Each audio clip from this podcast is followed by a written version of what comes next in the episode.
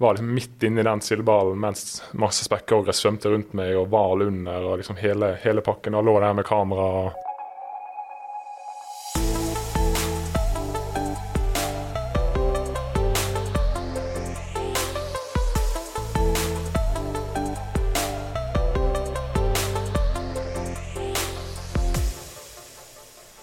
I denne episoden har vi med oss en spennende gjest og samarbeidspartner.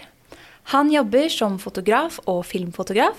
Elsker å bruke mest mulig tid ute i naturen sammen med venner og kameraet sitt.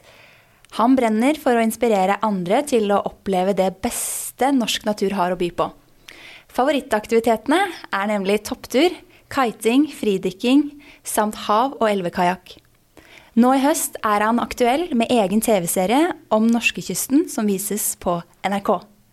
Velkommen hit, Lars Korvald. Tusen takk. Veldig kjekt å være her. Veldig hyggelig å ha deg her òg. Kan ikke du fortelle oss eh, litt om eh, deg selv, da? Jo. Eh, jeg er ja, 32 år fra Bergen. Eh, levd de siste syv-åtte årene som si, fulltidsfotograf eller videograf reiser mye rundt i Norge og på en måte prøver å ja, dokumentere det beste Norge har å by på. da. Det, det jeg brenner aller mest for. Jeg så jo bilen din eh, da du kom, mm. og det var jo virkelig eh, eventyrmobil. Ja, man kan si det sånn. Det har jo vært en drøm lenge å ha en sånn bybobil, som det heter. da. Begynte jo i en sånn liten Yaris og sove bak i den, og så utviklet det til en transporter, og nå har vi endelig fått lov til å eller fått råd til å kjøpe en sånn en. da, En sånn skikkelig bobil der vi har både seng og kjøkken. og Nei, men gud, Da må jeg jo jeg ut og se på den etterpå. Jeg har ikke ja, den, fått med meg. Ja, Den er veldig stor og fin, med selvfølgelig kajakker på taket. da. Så spennende. Ja, det var veldig imponerende. Jeg, jeg som har en uh, Volkswagen Caddy, fikk jo litt sånn mindreverdighetskomplekser. det, ja, det er veldig fin uh, begynnerbil. da. Altså, du får jo plass i, mye plass i en Caddy òg, da. Spennende. Du er jo kjempeaktuell med TV-serie om dagen. Stemmer det. Under overflaten. Ja. Den, eh, det er da en eh, Vi bodde skal vi si, For to år siden så flyttet meg og min eh, samboer og et vennepar av oss inn på en seilbåt. Og hadde lyst til å gjøre noe annet før vi ble skikkelig voksne, som vi liker å kalle det. Der vi reiste norskekysten og skulle prøve å oppleve å få dykket der så mye som mulig, samtidig som vi også dokumenterte og skulle lage en, en TV-serie ut av det. da. Men var det avtale om TV-serie før dere starta? Ja, i utgangspunktet så var det jo dette en reise vi hadde lyst til å gjøre sjøl. Eh, har liksom lenge hatt lyst til å vise fram uh, norskekysten. Så når jeg pitchet det inn at det var noe vi kunne lage underveis, så syntes NRK det var spennende da, å se hvordan det ble i etterkant. Men dere er jo eh, fire relativt unge mennesker som eh, har funnet ut at dere har lyst til å reise på tur sammen. Hvordan eh, kom dere egentlig på ideen? Og jeg tenker bare sånn det, og jeg vet at dere har solgt ganske mye av det dere eier selv for å få til det her. Ja, du kan si det sånn. Jeg begynte å jobbe som dykkerinstruktør for sikkert ja, det var vel i 2009. Og så ble jeg alltid så fascinert av å se hvor overrasket folk ble når de først fikk se livet under vann. Og har egentlig helt siden da tenkt at eh, jeg har lyst til å lage en, enten, ja, kanskje en film da om norskekysten for å vise fram liksom, det beste av det vi har å tilby her.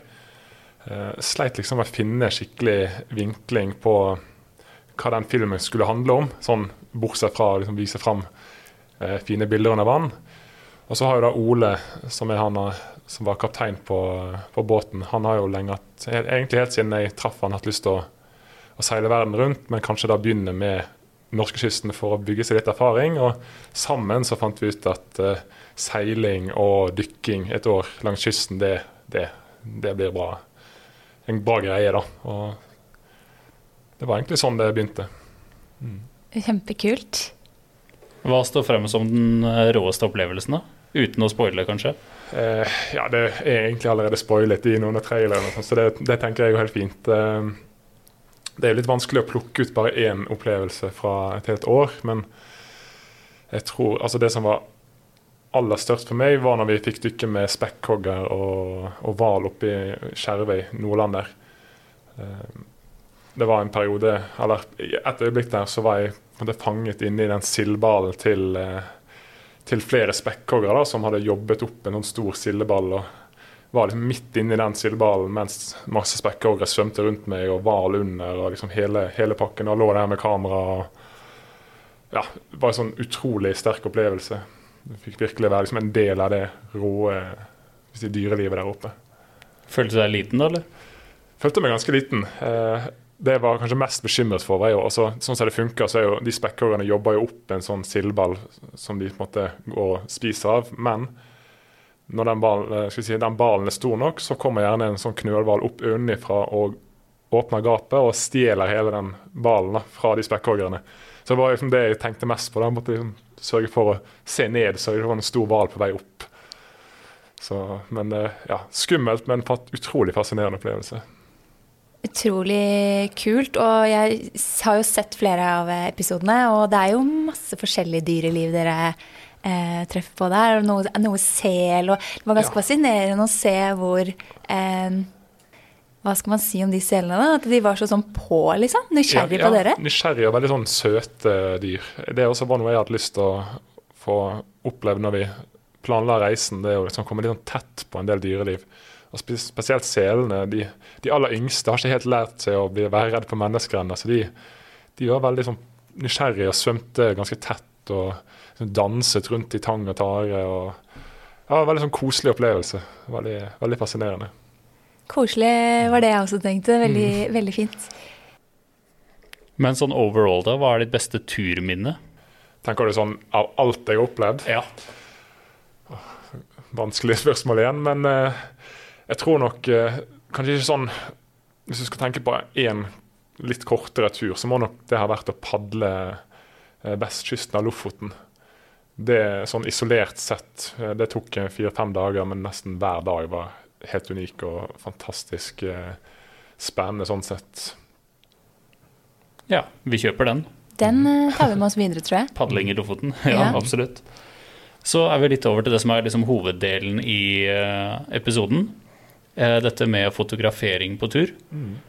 Så må vi huske at du er jo kanskje mest glad i video, men jeg tipper du har litt grann å tilby på vanlig foto også? Ja da, så jeg begynte jo på en måte som fotograf uh, og prøvde å bli så god som mulig i det. Uh, og det var kjempekjekt. Men så etter hvert som jeg syns, det på en måte ble enda mer spennende å fortelle historier òg. og derfor beveger jeg meg enda mer mot video. Liksom, og det å kunne legge på lyd og stemmer og musikk og på en måte i enda større grad på en måte selge inn den opplevelsen det er å være ute i Norge eller gjøre kule aktiviteter. Da. Jeg syns det kommer enda, enda, bedre fram på video. Selv om det er ganske mye mer arbeid og ja, litt mer utfordrende å få til et sluttprodukt. da. Jeg syns det er verdt å nevne at eh, Lars har eh, jobbet med oss eh, i noen år allerede. Mm. Han har vært med oss, er det fire år nå?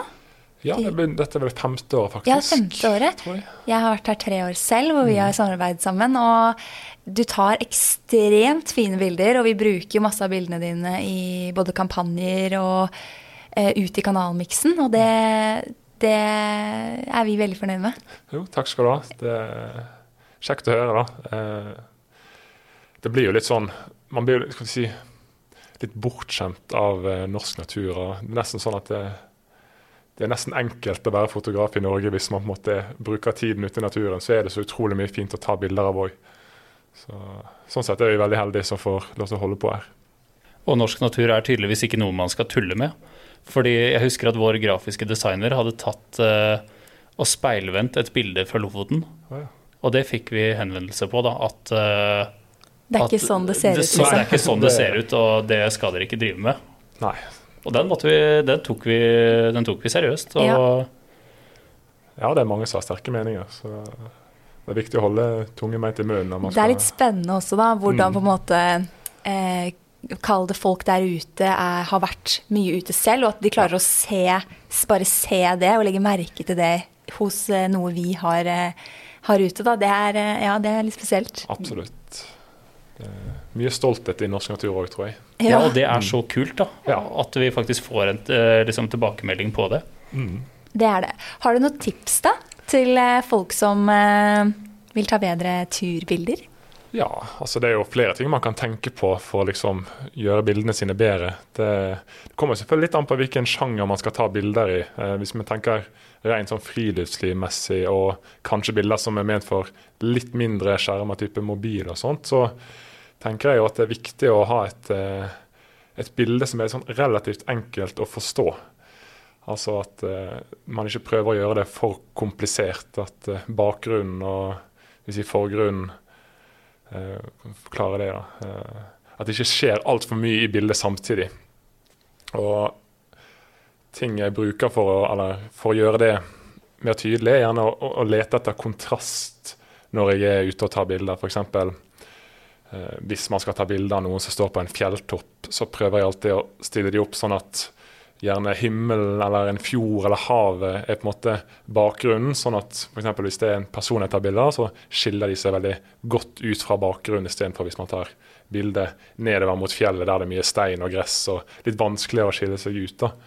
Eh, du kan også bruke ganske kraftige farger for å få den separasjonen fra bakgrunnen. Eh, så det er jo det ene jeg tenker en del på. Og en annen ting er jo det med skala. Eh, som ikke nødvendigvis kommer så godt fram hvis man bare tar et vanlig eh, bilde. så eh, Spesielt norsk natur er jo veldig storslagen. og For å liksom få fram en del av den storheten, så vil jeg gjerne ha med f.eks. folk eller et telt eller noe som virkelig liksom setter fokus, eller sammenligner størrelsen og får fram den skalaen. Det tenker jeg er viktig. Noe lite i noe stort, på en måte? Ja, egentlig. Ja. Rett og slett. Bare liksom en målestokk, på en måte. Um, og så er det det med dybde. Uh, bilder er jo sånn sett todimensjonale, men prøver å liksom jobbe litt med det tredimensjonale òg. F.eks. hvis det er noen som går langs en sti, så vil jeg prøve å gjerne for ha noen blåballing eller noe fine blomster ute i forgrunnen, kanskje noen store fjell i bakgrunnen, for, å få denne sånn 3D-følelsen. Uh, ja, og det siste er egentlig å ta bilder av noe du faktisk syns er gøy å holde på med. altså så Noe som faktisk inspirerer og motiverer deg. Um, det har jeg i hvert fall merket sjøl at de beste bildene jeg tar, er på en måte de gjerne av aktiviteter som jeg faktisk brenner veldig for sjøl, enten det er padling eller topptur. Så har du liksom drømt om det og det bildet og liksom sett for seg det i lang tid i eh, forkant. Og gjør på en måte den uh, planleggingen enklere og skaffer et bedre sluttprodukt. For det jeg ofte opplever, i hvert fall når jeg tar turbilder, da, typisk av et uh, fint terreng eller uh, sånne ting, og så ser jeg på bildet liksom når jeg kommer hjem fra turen, og så blir jeg helt sånn Nei, iPhonen min greide ikke fange mm. hvor pent det her faktisk er, da. Nei, det er jo også en sånn utfordring. Uh, en del av det jeg tenker også på når jeg tar bilder, er jo Jeg tar bilder med tanke om at det skal redigeres litt. For spesielt når, eh, når, man tar bilder i naturen, så er det ofte stor forskjell på det mørke og det lyse. Og kameraene, selv om de er blitt veldig gode, så er de ikke like bra som øynene. Og du får gjerne ikke den samme dynamiske rekkevidden som det heter eh, på fagspråket. Så jeg har alltid det i bakhodet at jeg tar bilder, men det skal redigeres litt før det på en måte skal publiseres, for å få det mer eh, ekte og mer virkelighets... Eh, ja, virkelighetsnært. Mm. Mm. For det er, eh, jeg har, eh, jeg har, en kamerat som også er eh, fotograf, og han har sagt at det er litt sånn uh, Nå ble jeg veldig iPhone-fokusert, da. Mm. Men uh, at det er litt sånn småting du kan stille inn på iPhone for å få mye bedre bilder. F.eks. å skru av det som heter HDR. Ja, der er jo litt sånn uh, Jeg liker jo faktisk den funksjonen veldig godt på iPhone. Jeg syns det faktisk er noe det som gjør det litt nesten gøyere å ta bilder på iPhone enn det er med et stort kamera, fordi at du får den øyeblikkelige tilbakemeldingen på hvordan bildet faktisk blir, fordi at det er så mye som skjer i software. Så jeg bruker jo, Hvis jeg bruker iPhone, så bruker jeg faktisk den HDR-funksjonen ganske ja, aktivt. Ja, ja. faktisk. Eh, du kan også laste ned et program som heter Lightroom på mobilen, som er gratis. og Der kan du gå inn og ta eh, rå bilder rett fra telefonen. og Da så har du muligheten til å og stille mye på de, de, lyseste delene eller de mørkeste delene av bildene for å få liksom mer den eh, totallyset. lyset. da. Så et av topptipsene er å ta bildet og tenke at du kan redigere det litt i etterkant? Ja. Og så er det gjerne ofte det å tenke at du skal ikke, skal ikke ta bilde av alt. For typisk når man kommer opp på en fjelltopp, så har man jo 360-utsikt og liksom sånn eh, Hva skal man faktisk fokusere på? Det er så mye fint. Så det jeg ofte gjør, spesielt når jeg bruker eh, iPhone, er å gjerne faktisk velge zoom-linsen og prøve heller å fokusere på det fineste, eller liksom deler av den store utsikten, som på en måte eh, får fram den enda bedre enn å liksom skulle prøve å samle alt under ett bilde. Det var veldig gode tips, da. Mm. Jeg tror jo det er mange som har vært ute på tur siste siste året og eh, tatt mange fine bilder. Og jeg tror nok også at det er litt som du sier, at man kommer kanskje på en topp, da, eller eh, er på tur, og så blir man fanget av så mye. Så det er fort gjort å gjøre noen eh, Kall det tabber, da. Og så er det jo eh, Jeg husker ikke hvilken bok det var jeg leste det. Jeg lurer på om det var boka til Børge Ausland, okay. hvor han eh, nevnte at du skal ta bilder når det frister som minst. Ja, det er også et veldig godt poeng. Det, jeg har ikke vært så flink til å gjøre det når det gjelder bilder, egentlig, men det var jo kanskje noe av det viktigste vi gjorde når vi skulle lage TV-serie. Det å liksom ta fram kameraet når ting var dritt, og stormen sto i, imot, og det var snø, og det var regn, og liksom få frem Spesielt det jeg liker med videoer, at du får frem den ekte, liksom gode følelsen av hvordan det faktisk var, og ikke bare vise glans, eh, glanssiden av det. Og det, det føler jeg på en måte har gjort eh, serien enda litt mer sånn ekte, da. At den er lite polert. Ja, at det var liksom Det er mye fint å se under vann, men det er ikke bare bare å være på tur et helt år i en seilbåt. Eh, Man har perioder som er tyngre enn andre, og været spiller ikke alltid på lag, og ting går i stykker, og ting kan være ganske tungt av og til, og da er det på en måte å få filmet det for å få en fin balanse i det. Og da betyr jo også de store og gode opplevelsene enda litt mer. Ja, Det der fascinerer meg veldig, faktisk. Jeg, har, jeg må bare legge til det at jeg har sett på en serie eh, som også går på Er det TV 2, da? Nei, det er faktisk Discovery. Ja. Det er den med de kjendisene som er på den seilbåten over Atlanteren. Ja. Det er ganske ekstremt uh, hvor mange på en måte uker de er sammen. De er bare noen uker, da. Ja. Eh, men bare på de fem ukene de er sammen, eller hva det er, så føler de nesten at de er i et slags fengsel, beskriver de det som. Fordi de ser bare hav. Så langt du ser. Det er bare det, det du ser, da. Eh, og det er så ekstremt vær noen ganger. Ja. Eh, og det å jobbe på natta og liksom ikke få nok søvn, og det er mange ting som spiller inn her, da. Eh, ja. Jeg, jeg kan si, jeg kjenner meg jo litt igjen i den fengselsbeskrivelsen, selv om måte, opplevelsen var helt fantastisk, og vi fikk gjort og sett veldig mye som vi ellers ikke har fått sett, så er det litt sånn Man er jo veldig isolert på den båten, og man tenker jo gjerne at ja, du får sett veldig mye langs kysten, men så skal vi gjøre en aktivitet som er ti minutter med bil inn i landet. Så blir man på en måte veldig sånn bundet til kysten, for det er vi har, jo, vi har ikke med oss en bil i, i båten, på en måte, så det blir, man blir veldig låst til der det faktisk er en god havn å komme i land, og steder man kan ankre opp og sånne ting. da. Hva er Norges hyggeligste havn, da? Eller hvor er, er vel mer eh, riktig spørsmål, kanskje. Det kan jo være at eh, årstiden vi var der, spiller litt inn, men vi syns Farsund var var veldig fint. For der, der var jo selvfølgelig været veldig flott. Men de hadde også, der var det også noen som gikk rundt med gratis eh, jeg tror det var rundstykker og aviser på kaien hver morgen, og det var stor, fin badstue i nærheten. Og, Oi. så Det det, hørtes jo helt nydelig ut. ja, det var veldig flott, egentlig. Det tror jeg ikke det er i Tønsberg. Nei. Nei. Jeg vet at dere er i Fitjar og i en av Ja. episodene. Det er jo en som jobber her som er derfra. Hun la merke til det. Ja, ja, der var også et veldig fint område. da. Det er utrolig mange små øyer der, så vi ja, prøvde i hvert fall å ankre opp på noen av de og få fridykket litt i området. Så det var veldig kult. Kult. Men litt tilbake til det her med utstyr. Mm. Det er jo naturlig å være litt opptatt av det når man eh, jobber her. Men jeg husker før så, så gikk man jo veldig ofte rundt med sånne kompaktkameraer, ikke sant. Og så føler jeg at det, de aller fleste nå har med seg en iPhone, så jeg er litt Ja. ute av det der kameramarkedet. Men hva er det man eh, Hvor godt utstyr trenger man nå om dagen? Det kommer litt an på, men jeg tenker at skal man ta bilder, så kommer man ganske langt med ganske mye, egentlig. I hvert fall for min del. Sånne type relativt små Nå får du jo fullformatskamera i kompakt kompaktkameraform.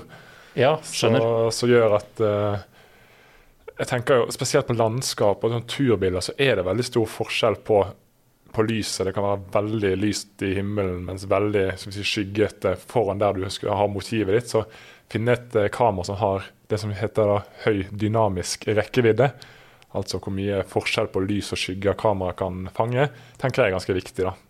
Og det får du i uh, de fullformatkameraene i kompaktkamerastørrelse? Ja, ja, det gjør du. Eh, for da kan du ta bilde i det som heter eh, rå, eh, råformat, som gjør at du har veldig mye du kan gjøre i etterkant. Det er vanskelig å forklare det sånn med, med ord. Det hadde vært mye lettere å vise det med et bilde, men det er typisk da hvis at jeg har eksponert himmelen helt riktig, sånn at solnedgangen ser nydelig ut, og så ser alt foran helt mørkt ut.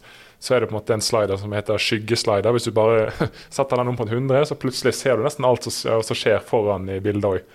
Og da får du liksom en mye mer sånn ja, helhetsinntrykk.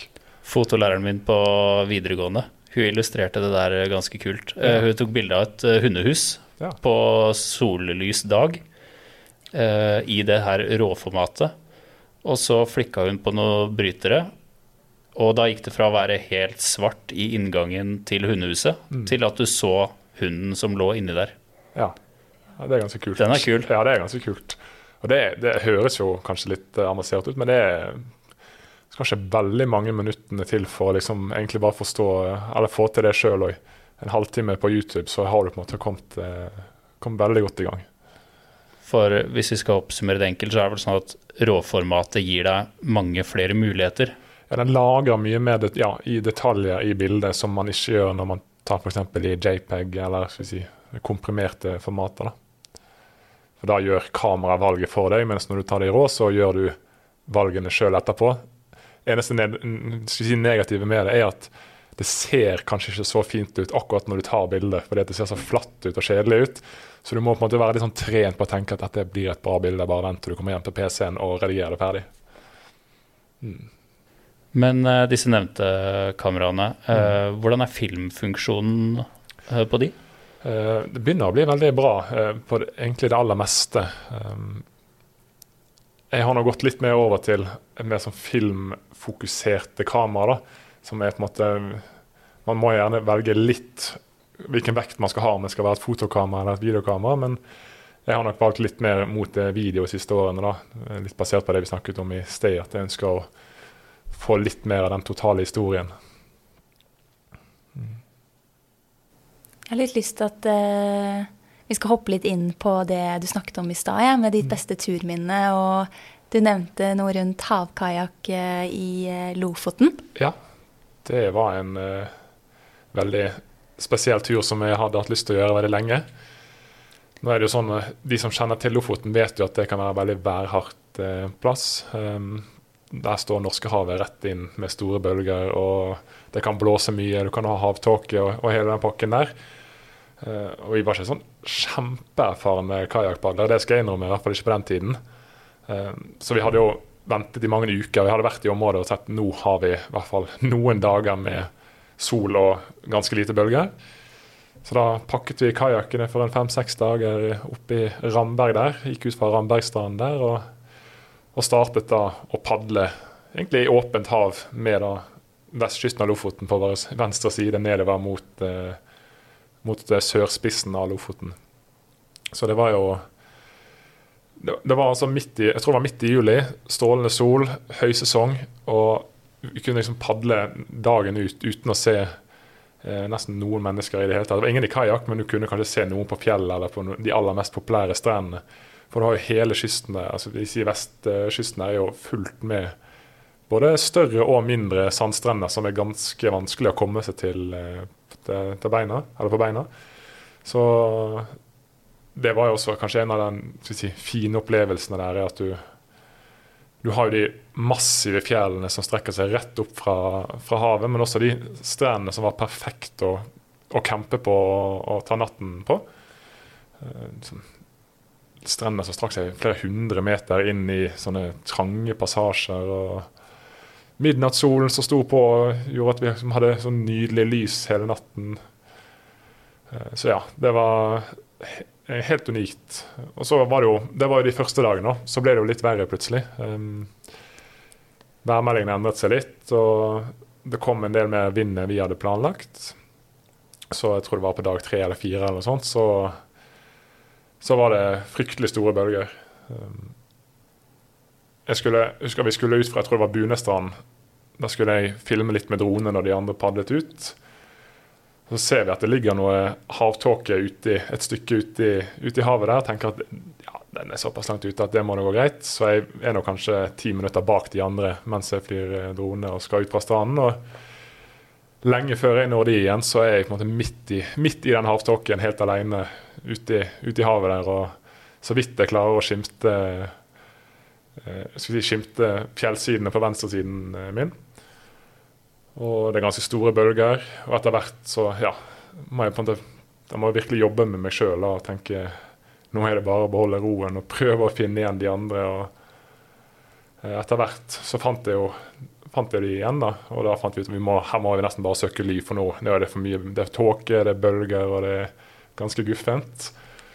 Så da fant vi padlet et lite stykke helt til vi måtte komme til en slags åpning i havtåken. Det var en liten dal som stakk inn egentlig ut fra, inn fra havet der. Og der, der, var det ingen vind, og det var ingen tåke, og solen sto på.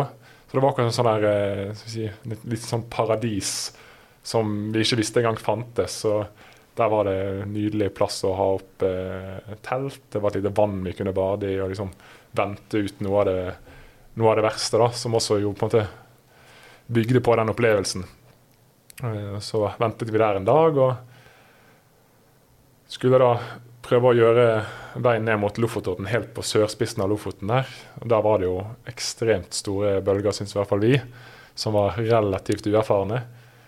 Og det, det husker jeg, selv om naturen var fin og, og det var en kul opplevelse, så var det også veldig slitsomt. For det, når du har bølger som kommer rullende inn hele tiden, og du har langt å padle Det er egentlig ingen steder å, å søke ly etter, du, etter vi dro fra det som da var Hermansdalen. så tror jeg vi padlet i nesten ti timer i strekk uten pause, der, der du på en måte må være fullfokusert hele tiden. Så det var ganske stor stemning da når vi kom til Lofotodden, fant en strand og fant ly og kunne vente Ja, vite at det hadde gått bra, da.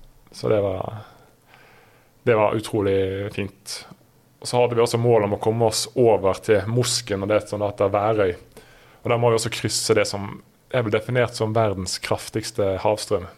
Moskenesstrømmen? Ja. ja. Så, det, så der, eh, der, var jeg også litt bekymret. Jeg tror jeg lå hele natten i teltet nede på Lofotodden og leste gjennom og prøvde å pugge den, det som da er Den norske los, der det står eh, jeg tror det er 15 forskjellige bilder liksom sånn med, der du har nesten et kvarter eller 30 minutters margin fra hvis du starter da når høyvannet er så mye inn i Bodø og det er lavvann der, så har du et lite tidsrom i akkurat den perioden når strømmen snur der, og så er det noen malstrømmer der og alt. Eh, så timingen da måtte være fryktelig bra. Så vi drar ut fra Lofotodden, og det ser veldig fint ut. Vannet er flatt, lite vind. Tenk, ifølge mine beregninger så var vi kanskje et kvarter, sju minutter for sein. Men det ser såpass fint ut at eh, ja, vi kjører på. Det, vi ser nå hvor vi skal, og det ser ikke så langt ut. Så etter en halvtime så er liksom helvete løs, nesten. Da var plutselig begynte det å komme eh, bølger inn fra havet, det kom vindbølger fra andre siden. Hadde du pådrag fra strømmen som gjorde at du fikk en sånn massiv sånn sammensurium av bølger. og Strømmen jobbet imot, så det var sånn, vi padlet alt vi hadde, og vi kom så vidt av flekken. Så det var husker jeg tenkte flere ganger at her har ikke jeg lyst til å være. Nå, nå må vi bare komme oss til, til Mosken, som da er en øy som ligger i, midt ute i havet der. Så det var ja, krevende psykisk og mentalt, men det var utrolig deilig å mestre det til slutt. Da komme inn til sånn ja, igjen en sånn fin strand som på en måte reddet oss fra, fra været. Så selv om på en måte ikke alle dagene av den turen var fantastisk sånn opplevelsesmessig, på en måte, så var den totaliteten gjorde det. Altså det at det var utfordringer. at det var, Vi lærte mye om oss sjøl og hvordan vi liksom eh, reagerer når ting er dritt. Så, så bidro det til at det er liksom det sterkeste minnet jeg har fra en tur i Norge. Det er jo de dagene på tur man husker best. Ja, det er jo det. Rett og slett når det er uh, kjipest. Ja, det er det. Altså, det er sånn, føle at du mestrer noe, har lært noe nytt om deg sjøl. Det, det syns jeg er veldig verdifullt. Det er noe med det at du sto i, det, i den situasjonen, og dere klarte å på en måte beholde roen. og Ja. Hadde du blitt stressa da, og det, hadde, det kunne jo gått mye verre. Ja, Eller jo verre. det. Det kunne det. Og ja, man lærer av det da, og kan ta med seg det. Og da, jeg skjønner jo at det blir et, et minne for livet.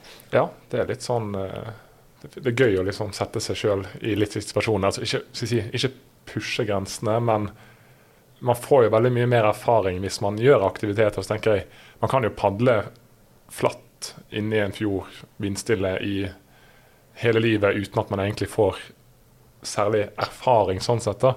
Men når du på en måte kommer litt ut i litt ruskevær og liksom får kjent litt på naturkreftene og, og liksom utfordre deg sjøl, da tenker jeg på en måte at man får god utvikling. da. Så er det jo på en måte å finne den balansen med at du ikke ja, gjør noe som er farlig, altså direkte farlig. da. Tok du mange bilder da det sto på som verst, eller? Det var ikke så lett, det skal jeg ærlig innrømme. Det var spesielt, det er jo utfordrende å ta bilder i kajakk generelt sett, men når da bølgene står på og du har vinden, så er det fryktelig vanskelig. Så da, det ble noe GoPro-klipp, men jeg syns ikke de gjør opplevelsen re- rettferdighet. Så jeg har mye fine dronevideoer fra, det, fra de fine periodene, da. Mm. Men ikke, ikke, ikke når det liksom var verst. En annen ting jeg kunne nevnt i sted når det var angående det å ta bilder og video, er jo på en måte å finne litt sånn en annen vinkel enn det alle, alle ser til i hverdagen. F.eks. skal man ta bilder bare så enkelt som blomster. da. Tar man bilder med mobilen rett ned på de blomstene, så er det jo sånn alle ser de blomstene til dagen. Men hvis du legger det ned på magen og liksom får kameraet ned på bakken og tar det bildet oppover, så får du et helt annet perspektiv på det som er mye mer interessant. Og det samme gjelder egentlig droner. Når du får kamera opp i luften, og du får den skalaen gjerne av naturen du er i, så, så blir det noe litt annet. Det gjør det.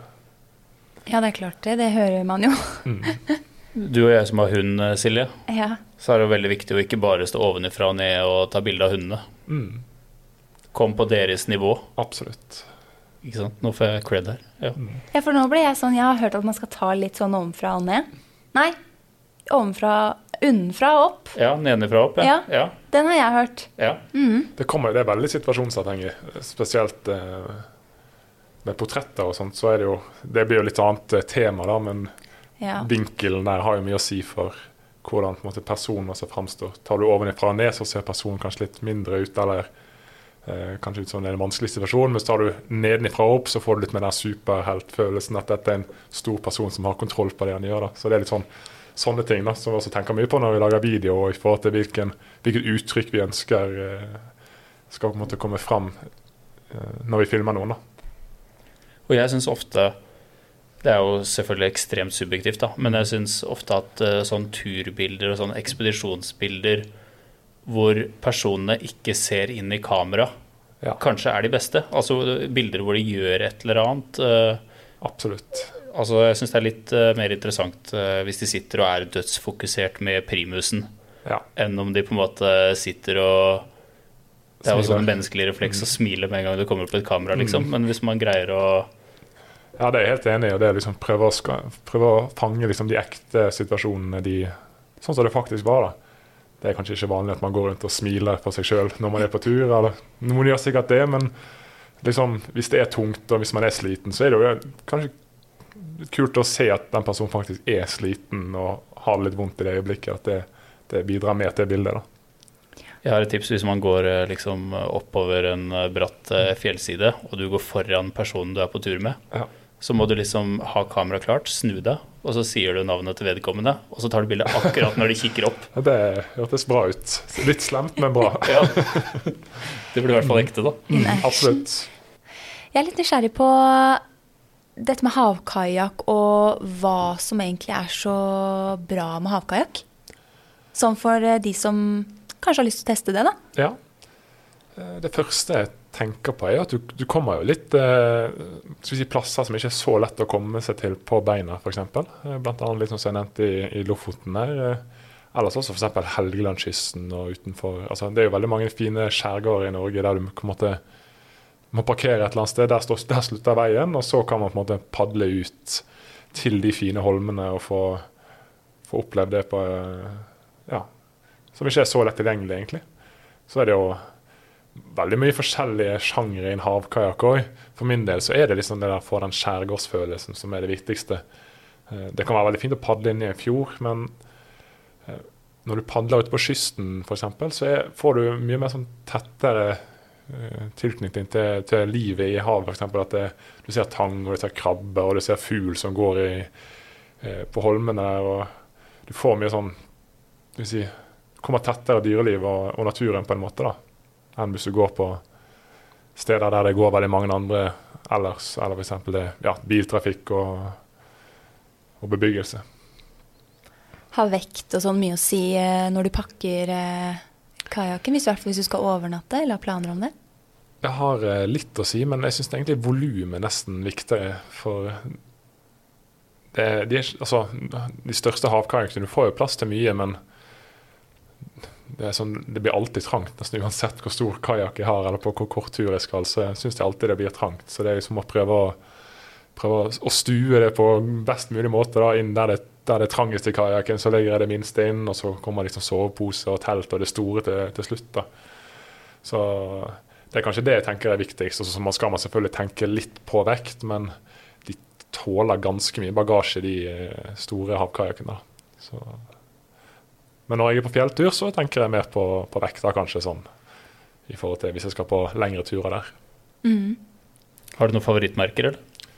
På, på kajakk? Nei, jeg tenkte mer på sånn uh, fjell, fjellutstyr. Jeg tenker jo, jeg syns norrøne er, er, veldig bra. Og det har jo mye med at jeg er ganske høy, 202 høy, og sliter litt med å finne klær som passer måte, til min kroppsfasong. Og der er jo norrøn er jo norsk, og har gjerne si, basert designet litt mer på sånne, sånne som meg, da. Som gjør at jeg ikke har sånn sirkustelt rundt eh, livet da, og altfor korte armer. Ja, det er godt svar, det. Mm. Skal du promotere favorittnettbutikken din en gang til nå, eller? Jeg og Lars har jo allerede snakka om den, men uh, for uh, høye menn så er jo medium12.no å anbefale. den er fin. Eneste er så synd at de ikke har begynt med turklær ennå. Det kan kanskje ja. være en sånn nisje for de da. Ja, men jeg så det var noen fleecejakker og noe greier de har kommet med nå. Ja, For meg blir det litt sånn byflis, men ja, okay, ja. kanskje vi skal foreslå det til de. Det er byflis, det. Mm. Ja. Det er forskjell. Ja, det er, kanskje det kunne vært sånn, noe for oss, da, dere? Ja. Vi skal prøve å selge inn det. Ja, Da må ikke du si det her, da. Ja, men vi har jo folk på huset som lytter, da. Ja, jeg tenkte sånn at konkurrenten ikke hører. Ah, ja. Sånn, ja. Skal vi ta avslutningsvis, eller? Hoppe rett i det? Ja, det kan vi kan godt gjøre. Kan ikke du kjøre på da, Sindre? Ja. Vi har jo noen faste spørsmål. Ja. Og det ene er er det noe utstyr du alltid har ønska deg, men som du enda ikke har fått kjøpt?